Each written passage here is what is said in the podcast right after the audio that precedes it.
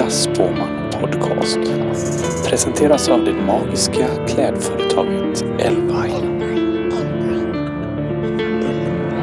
Livet var allt annat än ett äventyr för konstnären Linda Spåman. Nu måste ju inte alltid livet vara ett äventyr, men det måste vara något mer än att behöva ta ettans spårvagn 04.35 från Brunnsparken för att duka upp frukostbuffé till utsvultna lågprishotellgäster som bara undrade en sak. Finns det något mer? Det finns inget mer. Det var därför inte heller svårt för Linda Spåman att säga ja när en kvinna en eftermiddag ringde henne och på bruten engelska frågade om hon var a real fortune teller från Sweden. Så följ med på en magisk resa in i det undermedvetna. I Äkta Spåman Podcast låter konstnären Linda Spåman tarotkorten leda vägen och berättar om framtiden i magiska möten med modiga människor.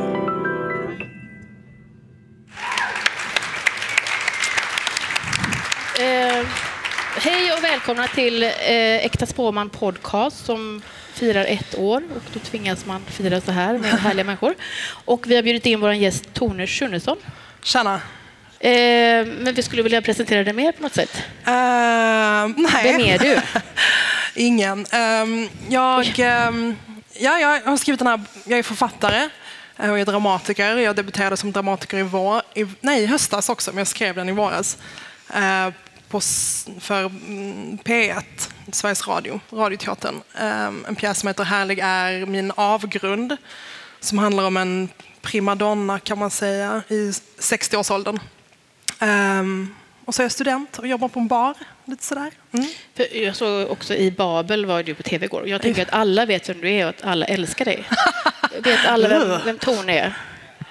Jo, Vem fan sa nej? Dörren är där. men, men är du väldigt igenkänd? Eh, nej, det skulle jag väl inte säga. Men ibland. Men ibland. Jag var, hade gjorde Helsingborgs bokdag härom helgen. Och då var jag liksom väldigt igenkänd av de eh, pensionärerna som var där. Men det var inte en bra igenkänning för de tyckte inte om mig. Mm. Men vad har de läst då? då eller? De har liksom läst om boken och det var inte alls vad de var intresserade av. De var, var är jag? Jo, bara fan han kommer efter. Det...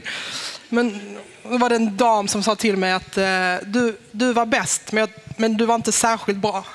Så det var... Okej, ja. Så var lite igenkänd i sådana litteratursammanhang. Satt du ensam sen då vid ett bord och ingen kom och köpte din bok? Eller? Eh, lite så faktiskt. En dam köpte min bok. Det kan vara väldigt jag. förnedrande att vara författare, kan jag säga av egen erfarenhet. Ja, nej, men det är en pågående förnedring, Ja. absolut. Mm. Varför blir man författare? Eller vad, Eh, vad jag driver tror, den? Jag tror att jag blev författare för att jag alltid, eller ville bli författare för att jag alltid har skrivit. Liksom. Så det har bara blivit eh, mitt sätt att tänka. Jag tänker när jag skriver och det är också så jag upptäcker världen, tänker jag. Mm. Men hur, hur, började du skriva då? Eller vad är det första? Oh, det- första fan, jag- minne ja, men Det är väl att- dagboksskrivande när man var i sex, sexårsåldern. Liksom.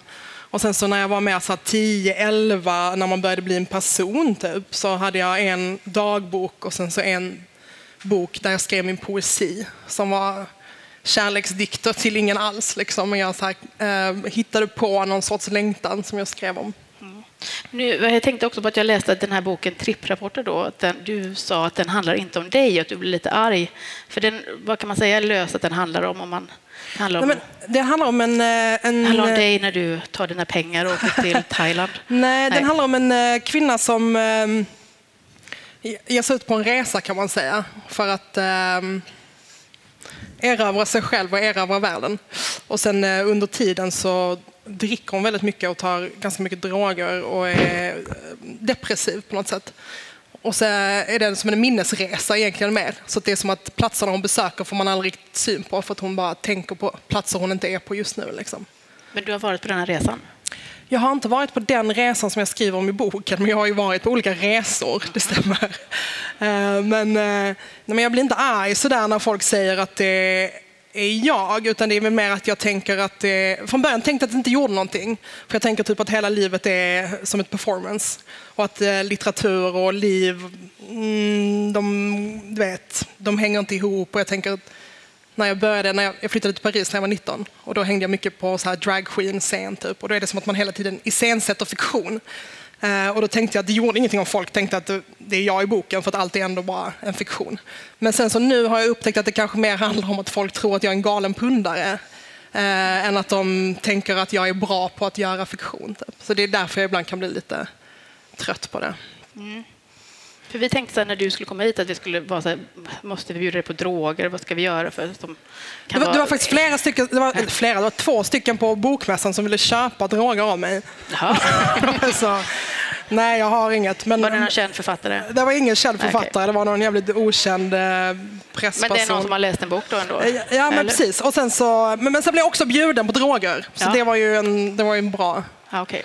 Det var, Men vi bjöd inte dig på droger Nej, nu, det då vill jag vi understryka Jag fick det också, för vi vinet, det emot- jättesnällt. ja, du fick vin. Gratisvinet. Mm, tack. Men eh, det här är ju en podd som handlar om magi då. Är du magisk?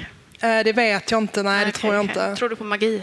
Jag har sökt Gud under en lång tid. Men det är inte samma sak, eller? Nej, men i lite kanske. Att man söker någonting som är större än en själv på något sätt. Har du sålt din själ till djävulen då? Nej, utan jag ville mer liksom ha en eh, annan andlighet. Okej. En, ja. Men eh, när du säger att du sökte Gud och så, det, du har inte så någon kristen tro med dig i bagaget? Jo, eller? min mamma var ganska troende när jag växte upp faktiskt. Mm. Ehm, och eh, också nära till det andliga. Liksom. Men jag eh, har haft svårt att finna något svar. Men I'm looking. Det är fint. Mm. Eh, det kanske kan bli titeln på den här, så här sökaren. Eller... Mm. Men eh, eh, också, droger är också ett sökande egentligen. Absolut. Kan droger vara magiskt? Eh, Jag tog Eller- faktiskt syra för första gången eh, för en månad sedan ungefär. Eh, Och då var det som att jag för första gången kände Guds, att gudsbeviset är att vi samexisterar. Och det var så jävla, jag, jätte, jag fattar inte om man kan skratta, men det var en jättestark upplevelse av att eh, det magiska i vår existens är att vi lever vid samma tid. Alltså att vi finns båda på Mhm. Det är samma fantastiskt. Det är fantastiskt. Ja. Här är vi samtidigt. Ja, men det är helt, den samtidigheten är ju liksom, ja, den är Mm. fantastisk. Men det var rörande, eller? Ja. Ja. Nej, men eh, jag är, det, det låter fint också, men eh, man ska ju inte uppmuntra det i den här podden såklart. Och Mm. människor kan bli provocerade och så. Jag förstår. Ja, vuxna människor. Ja. Men eh, ja, i, här, i den här podden då så, så drar, får du dra tre kort. Och det första kortet är det förflutna och det andra är nuet och Mm. sen har vi framtiden. Vad är du mest intresserad av? Det förflutna. Jaså? Mm. Det tänker jag att man ska skynda sig ifrån. Jaha, Så nej, man jag kan. är, som sagt, eftersom jag tror att gudsbeviset är att vi finns med varandra. Jag tänker att samtidigt, allting pågår samtidigt, alla tider Går du i pågår terapi? samtidigt. Absolut. Ja, det gör det. Sen jag var litet barn. Är det någon slags här freudiansk terapi då? Ja, Där du tittar in i det förflutna? psykoanalys. Mm. Vad har du upp, upptäckt om dig själv? Och det kan jag inte Kan sammanfatta. du inte berätta det? Är- Då lägger vi ut korten här då, så nu ser vi ju inte, men vi får visuellt försöka återskapa detta. Okej. Mm. Då får du dra ett kort som är det förflutna. Och då är det första kortet kejsarinnan och eh, då är det en kvinna som sitter på en svan. Och om ni, jag skulle säga att det här är någon som är ganska lite girig för lyx och flärd. Vad är mitt förflutna? Ja, eller liksom den du är. Det är ju en väldigt stark person också. Jag älskar lyx och flärd. Ja, det gör det. Det är det bästa jag vet. Berätta mer. Man kan, jag älskar att bränna pengar. Mhm. Det är fan alltså. Jag älskar att åka taxi, jag älskar att dricka dyra drinkar. Jag Men har det varit ett problem för dig? Eh, Om det är problem för Ja, mig? Det är, det här är ju det förflutna i detta. nej, det förflutna var det inte så mycket lyx och flärd. Det är nog därför Nej. jag är så upptagen av det nu. Mhm. Men eh, ja, det vållar ju stora problem för mig, absolut.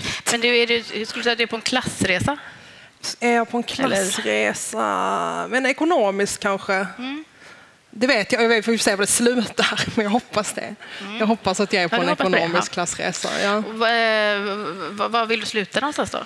Eh, stora pengar till Park Slope, New York. Mm. Sådana här gatstenshus eller så här brownstone house. Rik man, mycket pengar. Du ska gifta dig chaufför. rikt.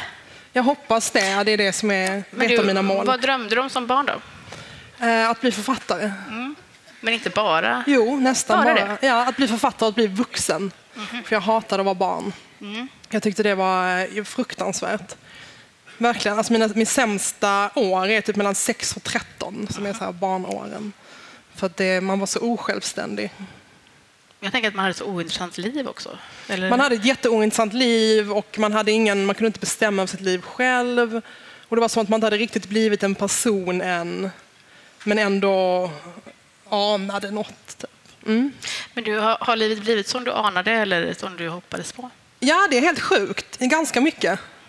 Jag ville åka runt mycket och typ gå på fest och skriva och det är så det blivit. Det är ju helt Ja, otroligt. ja, det är faktiskt det fantastiskt. kan hända alla.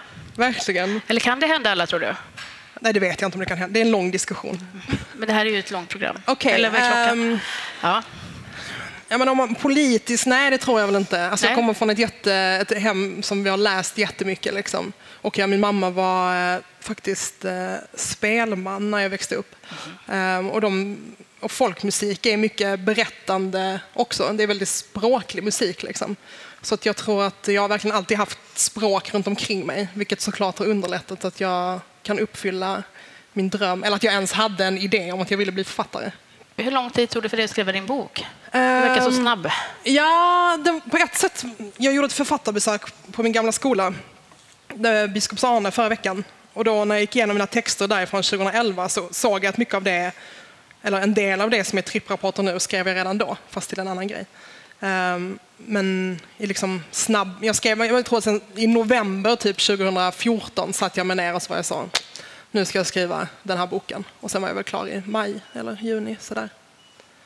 Ja, det gick väldigt fort. Det gick fort, absolut. Men då är det som att det hade varit Men en lång i boken tid av... får väl den här personen ett förskott, eller? Nej, den här Nej. personen skriver inte. Nej, nej, jag tänker att den gör det. Jo, men hon, hon vill skriva, men det är som att det är oförlöst. För att jag inte kan släppa att det är du då. Ja, men exakt. Det ställer sig i vägen för din Ja, läsning, precis. Linda. Jag vet, det är dåligt. Men jag har inte läst klart den ännu heller, så jag vet inte hur det slutar. Men du, eh, om vi ska titta in i nuet till exempel, hur upplever du ditt liv nu då? Eh, jag har jättemycket och- Mm. att passa. Det är den största förändringen den här hösten. Att jag alltid har... Jag kan typ aldrig vara bakis längre. Jag måste alltid göra någonting dagen efter. Och jag har... eh, Ja, det är det. Jag har skitmycket tid att passa. Och sen såklart att man har offentliggjort sitt skrivande. Det gör ju någonting med ens skrivande. Det är, förra veckan hade jag sån jävla... Jag bara ville ta tillbaka det. Liksom. Jag ville inte att någon skulle Mm. se eller veta vad jag gjorde. Men eh, annars känns det ju bara skitbra. Folk är ju positiva. Kommer du bli rik? Så du kan köpa mycket grejer? Kommer jag bli rik? Nej, ingen tror det. Nähä. Särskilt ingen på förlaget. Men jag är så, det är inte som att jag kan något annat. Nej. Så jag måste bara bli rik på det här. Du kommer inte lära dig något nytt? Ehm, jo, men jag vet inte om jag kommer bli så bra på det. Jag kan andra saker förresten, men jag tycker inte det är så kul. Nej. Så att jag vill bli rik på det här. Sen kallades det en generationsroman också. Och sen Mm. såg jag dig i Babel att du höll upp Ulf Lundell. Det förstår inte jag.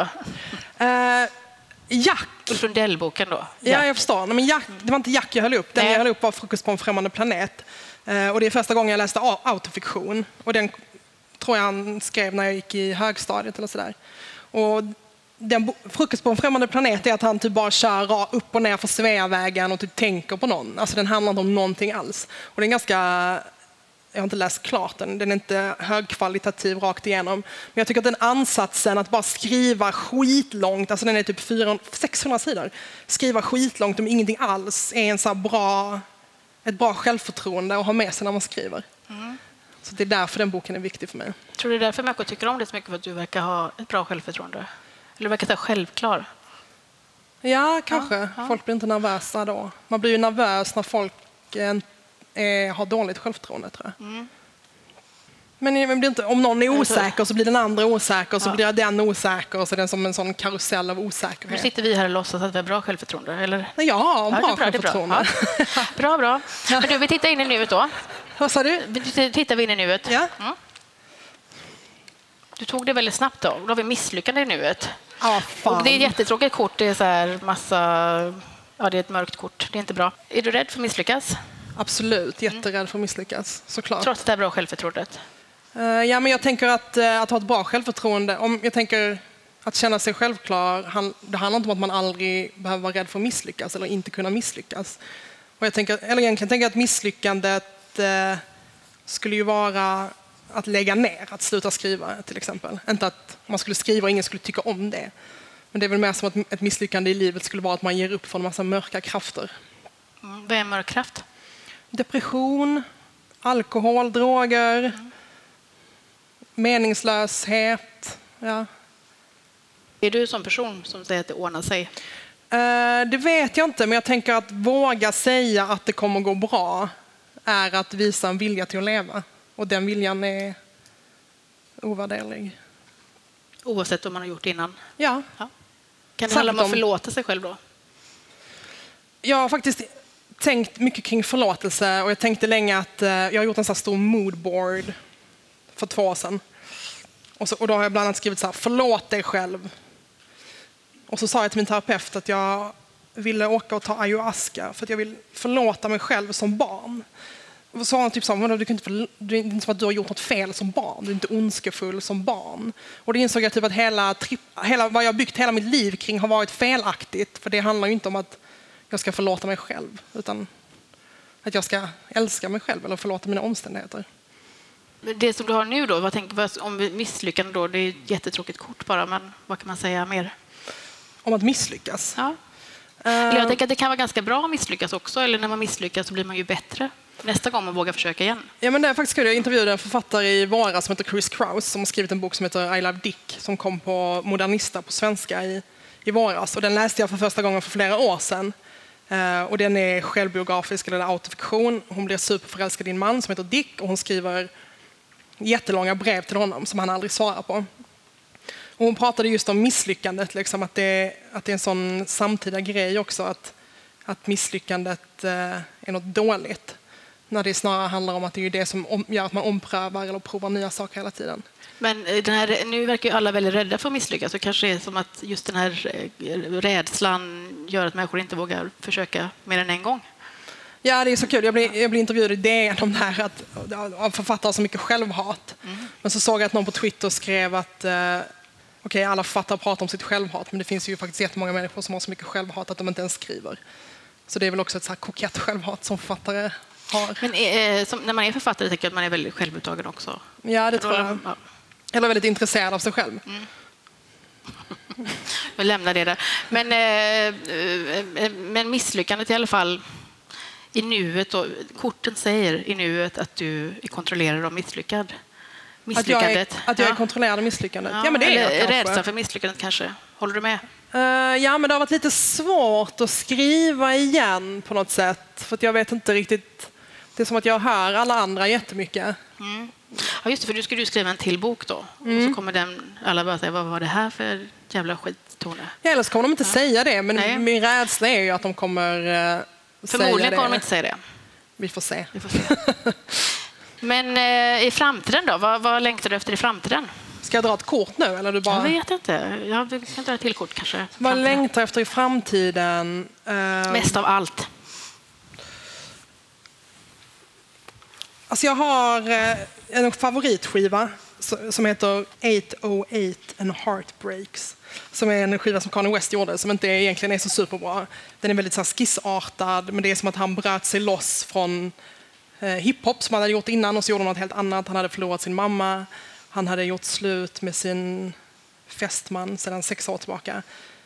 Och den är typ så här storslagen i sin enkelhet. Och jag lyssnade mycket på den när jag skrev tripprapporter. Och jag var intresserad av den storslagna enkelheten.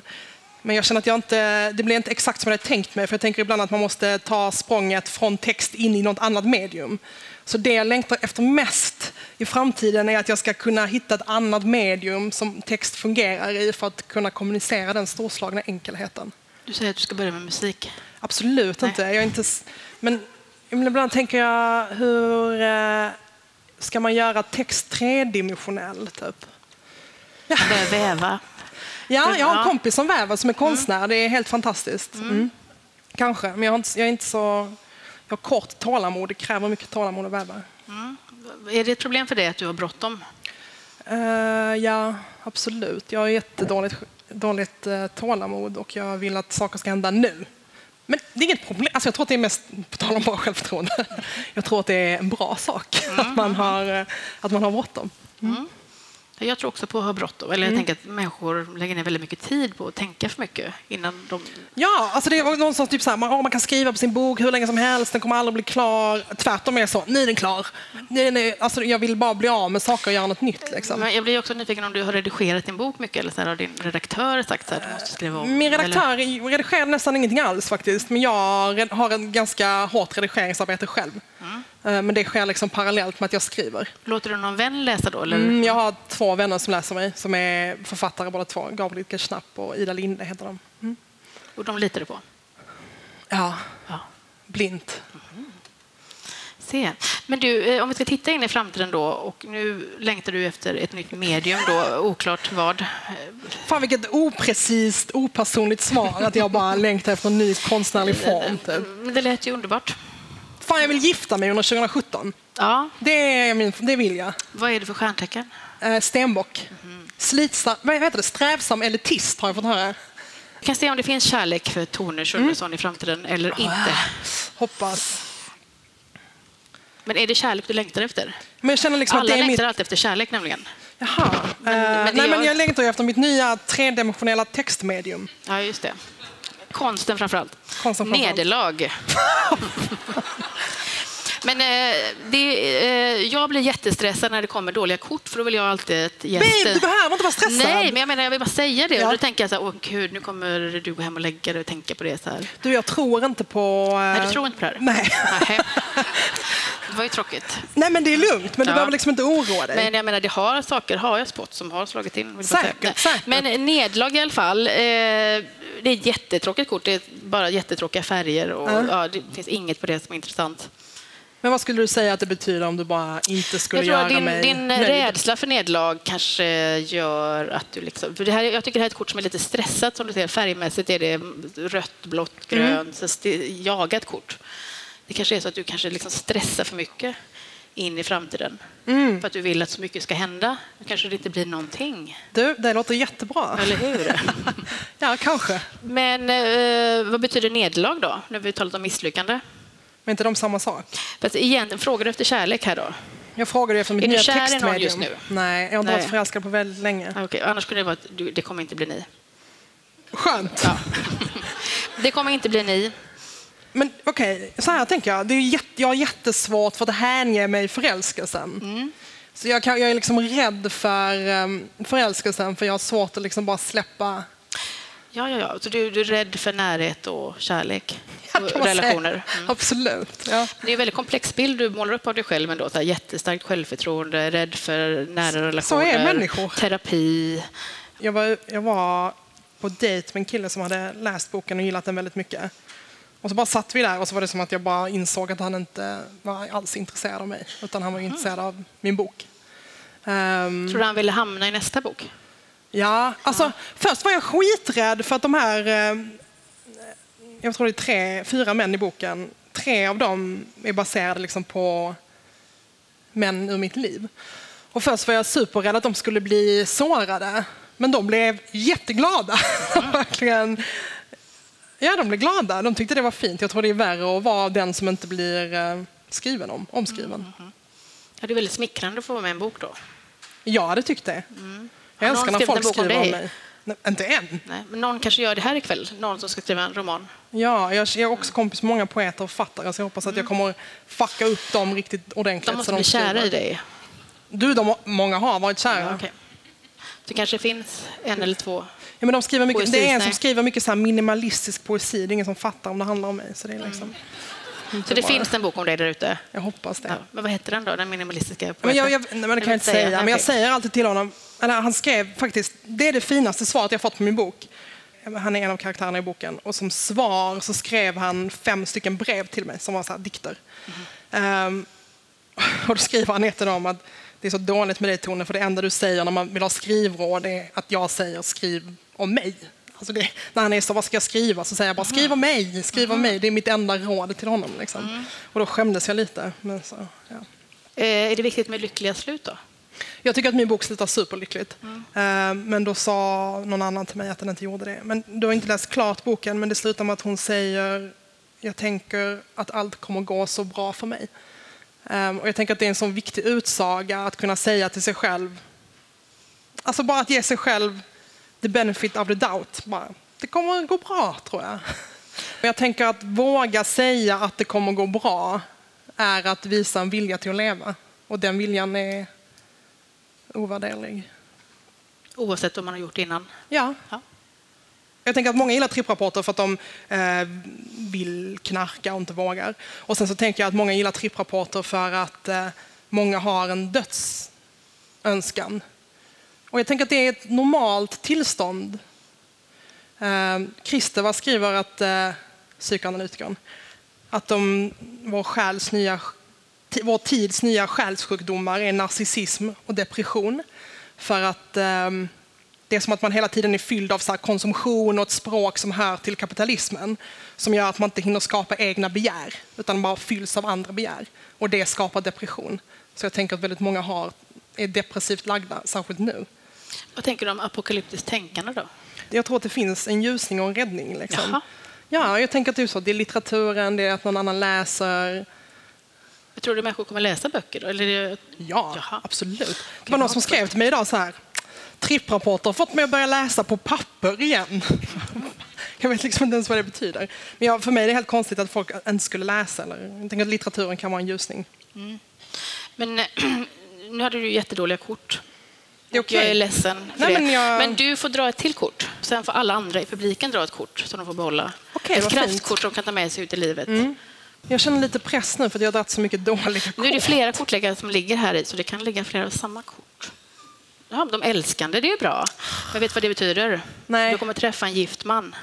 Det kommer vara komplicerat, men det kommer vara romantiskt. Vet du hur mycket gifta män jag har träffat? Precis. Det var min hobby kan man Men säga. det, länge. den gifta mannen är ditt kraftkort. Nej, jag vill ha ett nytt. Nej, eller jo. Snälla. Okej, du får ta ett till kort. Okej. Men ska du inte ha kvar det då? Men jag har haft det. Okej. Ett- Ditt nya liv börjar nu. Mitt nya liv är här. Inblandning. Är det bra? Det är någon med många armar, men det är ju lite tråkigt. Det är ju att någon har många armar, också många bröst. Och många bröst är bra. Okej. Men att lägga sig i är inte så bra kanske. Men vad betyder det? Men du sa ju till mig förut också att du lägger i människors liv lite eller tar hand om massa människor. Och du kanske ska sluta med det och börja tänka på dig själv bara ha två armar. Okej, Du behöver inte ha åtta armar. okej, tack. Men nu skickar vi runt här om du lämnar det till dem så får alla dra ett kort som ni får ta med er hem. Kan ni också fråga sen om det är något. Eh, Tone, det var ju underbart att du var här. Du har varit min drömgäst länge. Hoppas Och, jag eh, inte gjorde dig besviken. Nej, det- du gjorde mig jätteglad. Okej, bra. Och tack så mycket för att du kom hit och Tack. tack, tack för att ni också kom hit. Så.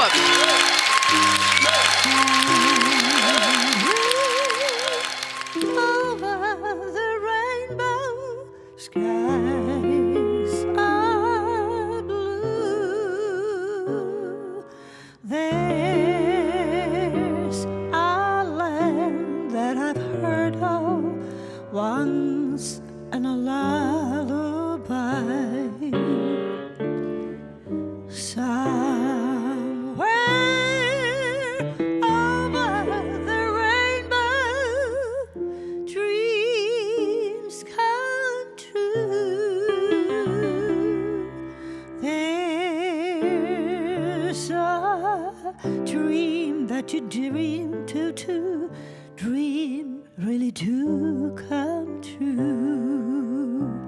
Someday I wish upon a star and wake up where the clouds are far behind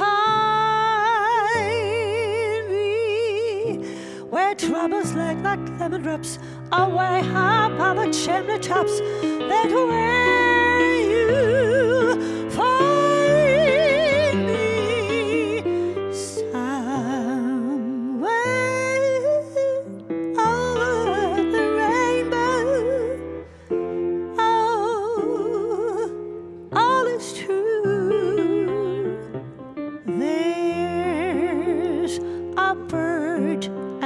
rainbow. Why then oh, why can't I? The